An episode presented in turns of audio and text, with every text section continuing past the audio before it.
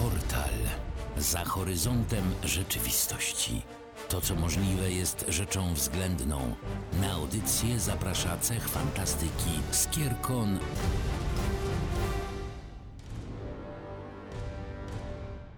Jak w każdą niedzielę wybiła godzina 15, w związku z tym witamy Was bardzo serdecznie w kolejnym odcinku portalu Tuwinga. i Aurelion. I dzisiaj będziemy troszeczkę mówić o tym, co być może czeka naszą ludzkość. Trochę zaczęliśmy ten temat już tydzień temu, ale dzisiaj kontynuujemy i kontynuujemy troszeczkę pod innym względem. Generalnie w latach 50. w fantastyce, szczególnie w Stanach Zjednoczonych, pojawił się taki trend, który mówił o tym, że na Ziemi jest troszeczkę za dużo ludzi, ta liczba non-stop rośnie, w związku z tym w którymś momencie na pewno musi dojść do jakiegoś kataklizmu i będzie trzeba tę całą naszą populację odbudowywać. Przy czym w latach 50. to na naszym świecie żyło jakieś 2,5 miliarda ludzi. Obecnie mamy blisko 8, a badania Organizacji Narodów Zjednoczonych, statystyki pokazują, że do 2050 roku będziemy już się zbliżać mniej więcej do 10 miliardów ludzi. To się może wydawać, że operujemy tam liczbami 2,5, 8, 10, co to jest, ale wystarczy troszeczkę popatrzeć na skalę, że no nie wiem, 1 milion sekund to jest około 12 dni, a 1 miliard sekund to są jakieś 32 lata, więc nagle troszeczkę widzimy ogrom sytuacji. I co ciekawe, około połowa tego wzrostu, który jest przewidywany w ciągu najbliższych niecałych 30 lat, zostanie nam zapewniona przez 9 krajów. I ja tutaj szczerze mówiąc się mocno zdziwiłam, bo byłam święcie przekonana, że na pierwszym miejscu tej listy znajdą się Chiny, a się okazuje, że nie, bo Chiny ze względu na swoją politykę, no nie powiem prorodzinną, bo dokładnie odwrotnie, raczej już z tej listy dawno zeszły, ale co ciekawe, wielki boom się odbywa w krajach Afryki e, Saharyjskiej. I generalnie wśród tych dziewięciu krajów są oczywiście Indie, bo to jest norma, one są cały czas na piku swojego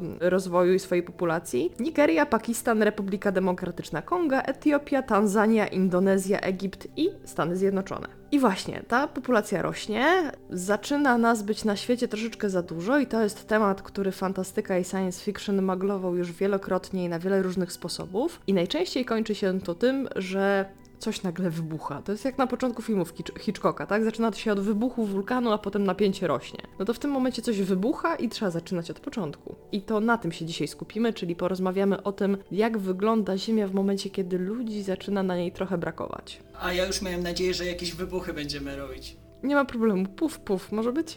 Znakomicie. Fantastycznie. To, o czym mówisz, obraz przyrastającej populacji albo no, ekspansywnie rozwijającej się populacji ludzkiej oczywiście jest problemem. Patrząc z drugiej strony, patrząc jakby na drugą stronę monety, na drugie ekstremum tego równania, możemy owszem zacząć rozmawiać albo wyobrażać sobie scenariusze, co by było, gdyby ludzkości nie było w ogóle, albo przeżyłyby wyłącznie pojedyncze jednostki i musiałyby odnawiać ten naczelny gatunek. Tak, sposobów na to, że ludzkość przestaje na Ziemi istnieć, już fantastyka i nie tylko fantastyka, to nawet jakieś predykcje naukowe przerobiło bardzo dużo, mniej lub bardziej prawdopodobnych i mniej lub bardziej kreatywnych, bo to są e, rzeczy od wszelkiego rodzaju katastrof, poprzez pandemię, poprzez chociażby epidemię zombie czy e, ataki potworów z kosmosu. Dodatkowo to, o czym mówiliśmy tydzień temu, czyli zmiany klimatyczne na Ziemi, pociągają ze sobą dużo poważniejsze skutki.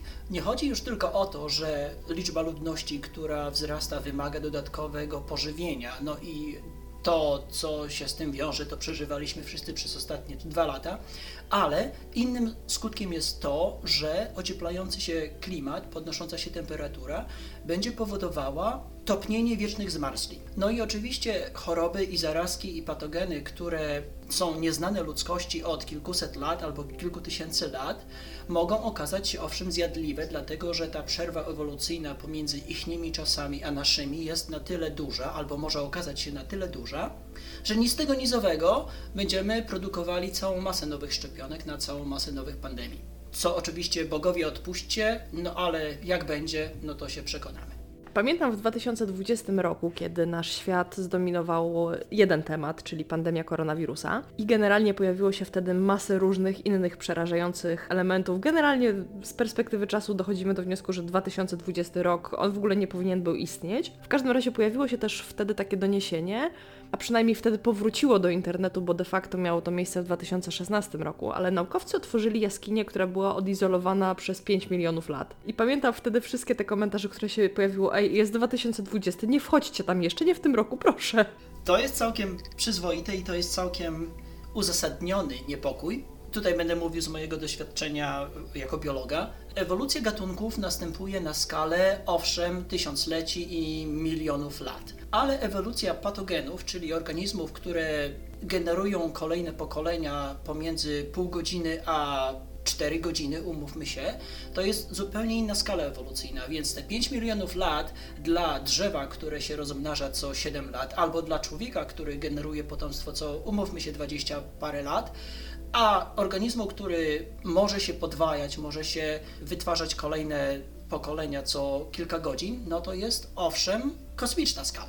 To jest skala, która nas jako gatunek może de facto wykończyć. W każdym razie, jakby przechodząc do sedna sprawy, jakby tak popatrzeć na to, co sprawia, że nagle na Ziemi zostaje nas jako ludzi niewiele, to bardzo rzadko mam wrażenie się przewija motyw, kiedy po prostu y, dochodzimy do etapu, kiedy mamy ujemny przyrost naturalny. O tym raczej ludzie nie rozmawiają, zwłaszcza, że to jest coś, co faktycznie by zajęło no, kolejne miliony pewnie lat.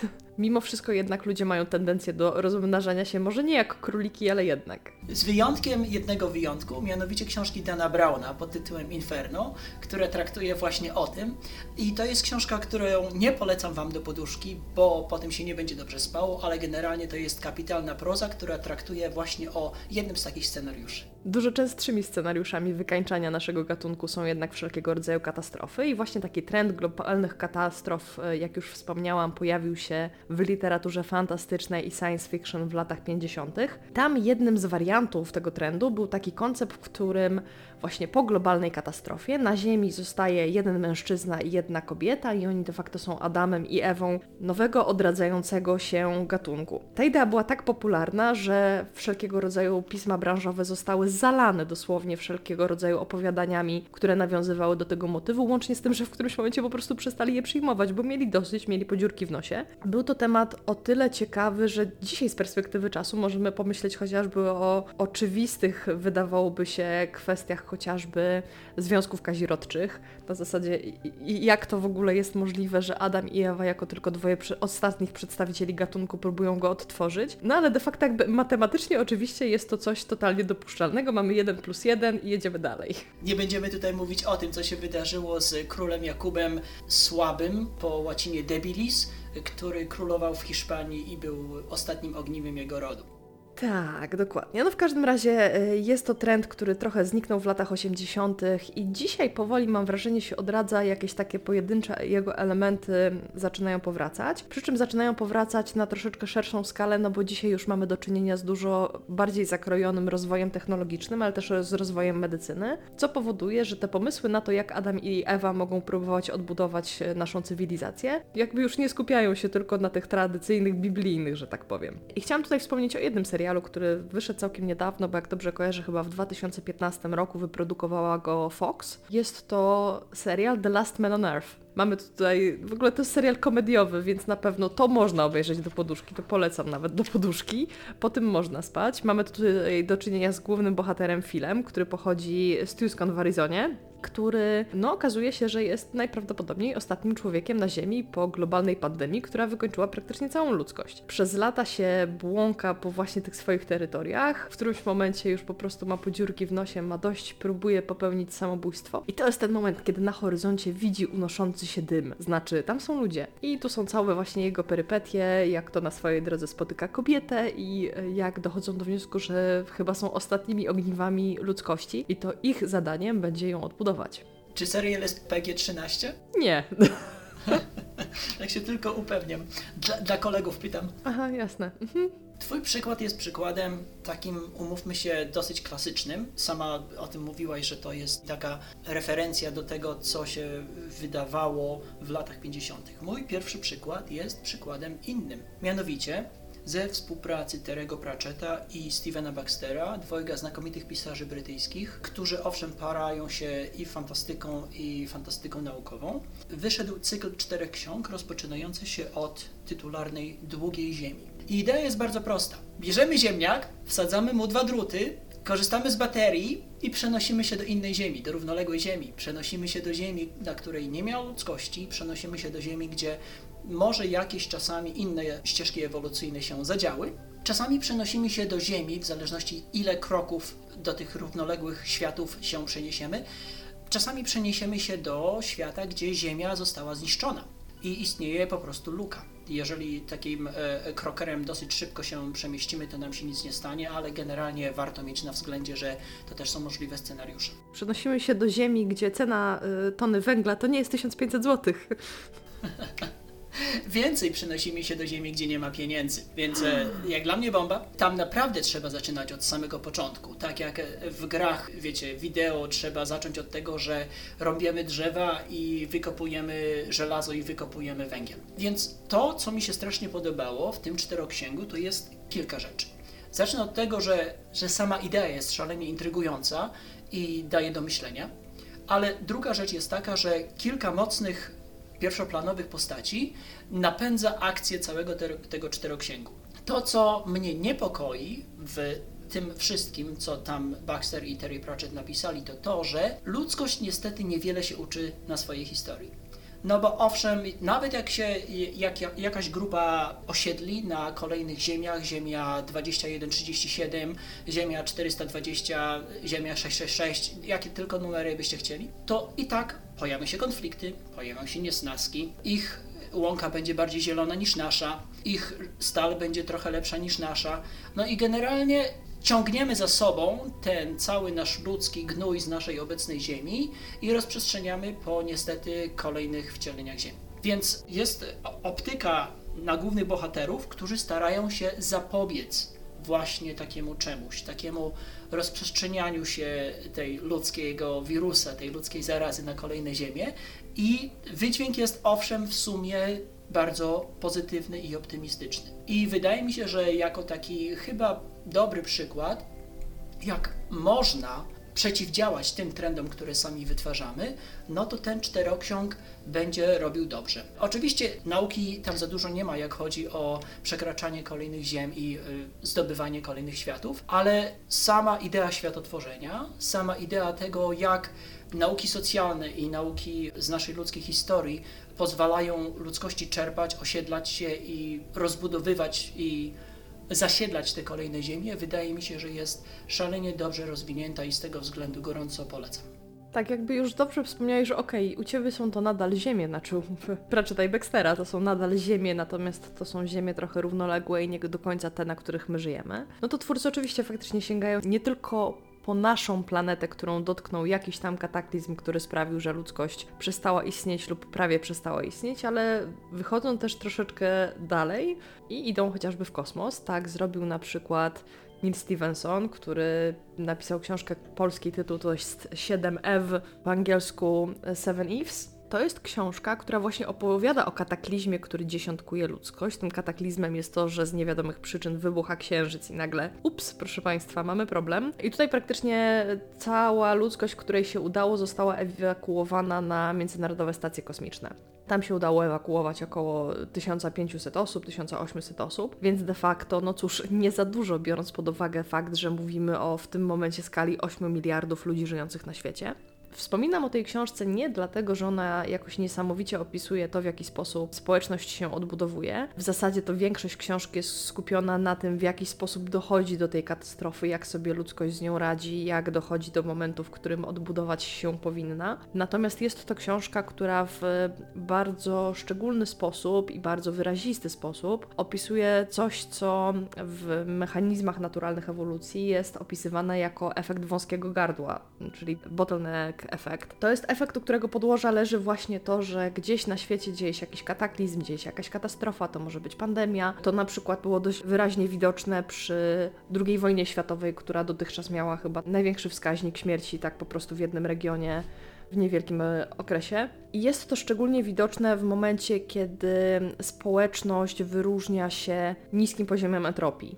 O co chodzi? Chodzi o to, że liczebność danej populacji, w której następuje właśnie jakaś tam katastrofa, znacznie się zmniejsza, w związku z tym zmniejsza się również pula genowa populacji. Oznacza to, że ci ludzie, którzy po tym kataklizmie przetrwali, no cóż, nie niosą ze sobą całej tej puli, którą miała w sobie populacja, a nawet jeżeli, to na pewno nie w takich samych proporcjach. W związku z tym wielu cech nie są w stanie e, dalej przekazywać. Oczywiście z biegiem czasu dochodzi do pewnych mutacji i ta populacja znowu się może zacząć odbudowywać. Natomiast jest ten taki punkt krytyczny, w którym społeczeństwo albo wróci do względnej normy, albo po prostu wymrze. Powiedz, ty nie chciałabyś e, zacząć pracować jako ja, jako Nie. profesor genetyki populacyjnej? Bo znakomicie przedstawiłaś ten koncept. Innym przykładem tego samego zjawiska to była zaraza ziemniaczana, która w Irlandii w 40 latach spowodowała spadek populacji o więcej niż 30%. Pomimo tego, że upłynęło 170 lat od tego okresu, liczebność Irlandii do tej pory nawet się nie zbliżyła do tego poziomu, jaki był przed zarazą ziemniaczaną.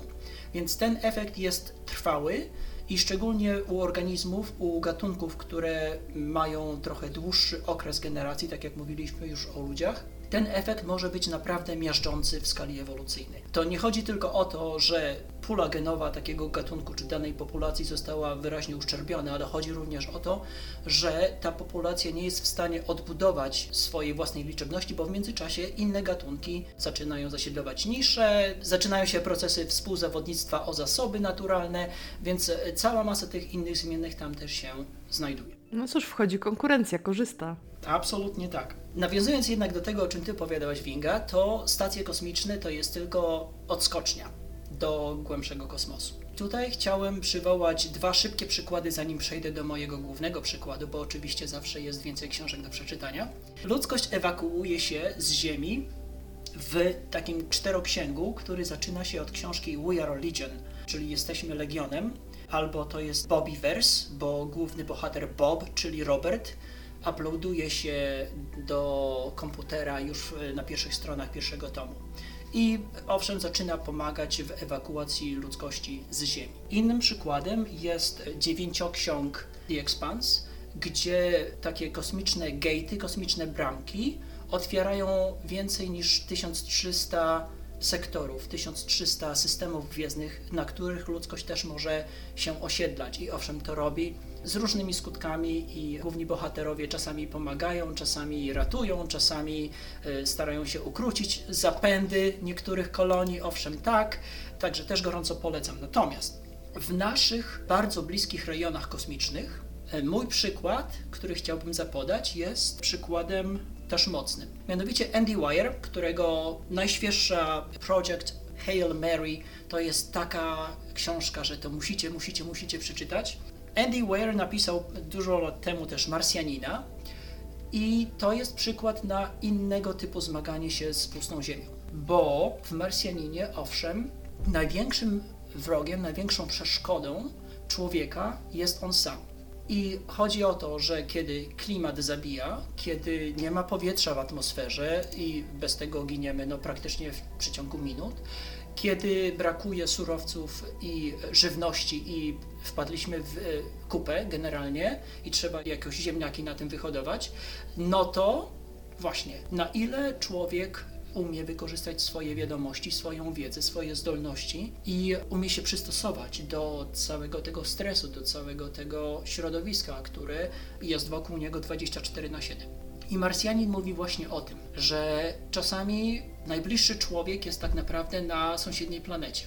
I to nie jest kwestia wysłania SMS-a, to nie jest kwestia zadzwonienia, tylko sygnał tak naprawdę idzie kilkanaście, kilkadziesiąt minut w jedną stronę. I w takim wypadku weź sobie, sam sobie poradź. Więc y, pod tym kątem Marsjanin mi strasznie się podobał, bo to nie jest tylko ciekawa historia y, trzymająca w napięciu i pokazująca, jak kolejne przeszkody główny bohater pokonuje, ale dla mnie to jest też historia o tym, jak dobrze wykorzystywać tę wiedzę, którą mamy i jak dobrze czerpać z tej nauki, którą do tej pory rozwinęliśmy, czasami w bardzo niekonwencjonalny sposób, czasami wbrew utartym schematom, czasami wręcz no, łamiąc reguły, które ktoś inny ustalił. I z tego względu też gorąco polecam. Z jednej strony mamy więc sytuację, w której człowiek pozostawiony sam sobie ma całkiem spory problem z tym, żeby sobie poradzić nie tylko z tym, jak przeżyć, ale też po prostu z samotnością. A z drugiej strony mamy problem Ziemi, która zaczyna być, no cóż, za mała na nasze potrzeby. Przy takim wzroście, jaki notujemy w tej chwili, jaki przewiduje ONZ, to faktycznie nasz problem będzie się tylko powiększał i będzie z dnia na dzień coraz gorzej. W związku z tym, wiesz co, tak na koniec wydaje mi się y, zasadnym pytanie, a co jeżeli Thanos miał rację? Zaczynamy szukać klejnotów. Może niekoniecznie od razu, Wydaje mi się, Winga, że e, nasze kontrybucje tutaj już zaczynają działać, bo póki co ani ty, ani ja nie mamy dzieci i chyba nie planujemy, więc e, może idźmy za tym przykładem. tak tylko błagam, nie skończmy tak, jak przewidzieli twórcy filmu Idiokracja, okej? Dla mnie bomba. W każdym razie tym optymistycznym akcentem, wcale nie takim optymistycznym, zostawiamy Was dzisiaj, myślę, z głową pełną przemyśleń. Dajcie znać, jak Wy się zapatrujecie na to, czy wolelibyście żyć na Ziemi, która jest przeludniona, czy wolelibyście być właśnie tymi ostatnimi przedstawicielami naszego gatunku i próbować go uratować, lub może wcale nie. Jako introwertyk ja mam swoją własną odpowiedź, którą tutaj wydaje mi się trochę e, zaspoilerowałem, ale Mocno. nie będę mówił więcej. W każdym razie, jeżeli kiedykolwiek znaleźlibyście w się w sytuacji, w której jesteście sami na tej planecie, jesteście ostatnim przedstawicielem ludzkości i bardzo, bardzo, bardzo Wam się nudzi, to to jest ten moment, kiedy możecie zdecydowanie posłuchać archiwalnych odcinków portalu na YouTubie i na Spotify oraz oczywiście znajdziecie je na stronie skierkon.pl. Zapraszamy na te poprzednie i na przyszłe audycje i do usłyszenia kolejnym razem. Cześć! Cześć!